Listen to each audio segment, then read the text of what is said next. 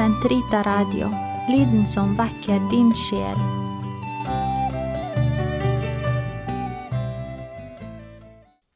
Den katolske kirkes katekisme, uke 37, onsdag 687-690.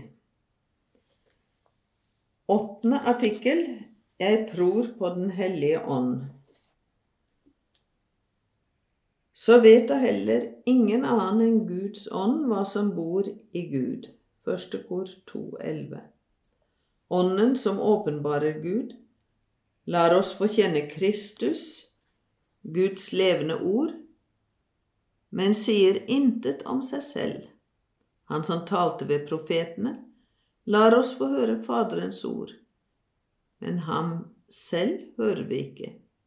Vi kjenner ham bare ved den rørelse hvor han åpenbarer ordet for oss og gjør oss skikket til å ta imot det i tro.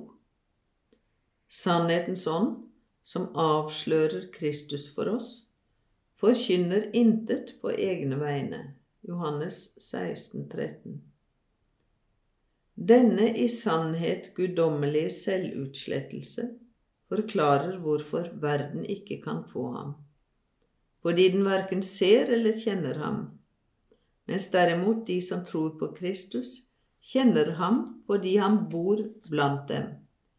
Johannes 14, 17. Kirken, det levende samfunn i apostlenes tro som den gir videre, er det sted hvor vi lærer Ånden å kjenne.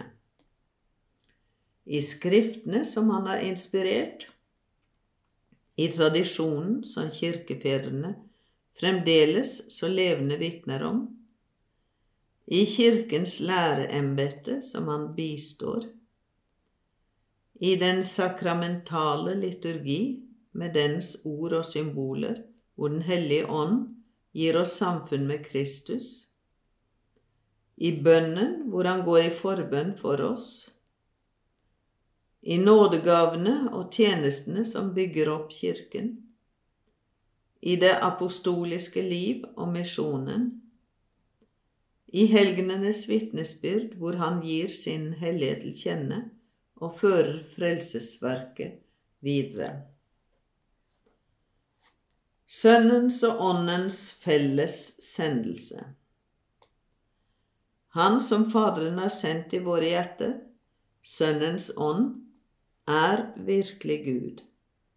Han er av samme vesen som Faderen og Sønnen, uatskillelig fra dem, så vel i treenighetens indre liv som i dens kjærlighetsgave til verden.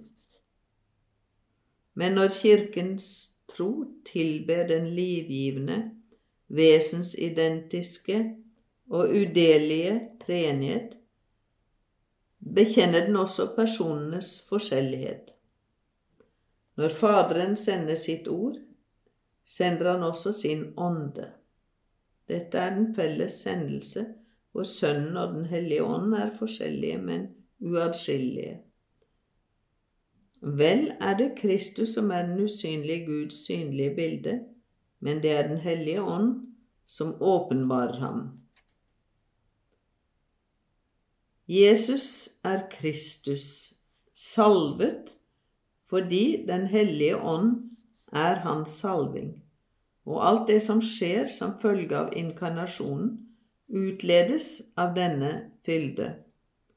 Når Kristus til sist blir herliggjort, kan han så fra Faderen sende Den hellige ånd til dem som tror på ham. Han gir dem del i sin herlighet, det vil si i Den hellige ånd som herliggjør ham.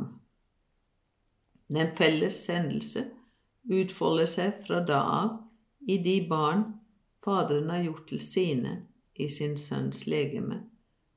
Barnekårets ånd sendes for å gjøre dem til ett med Kristus og gi dem å leve i ham.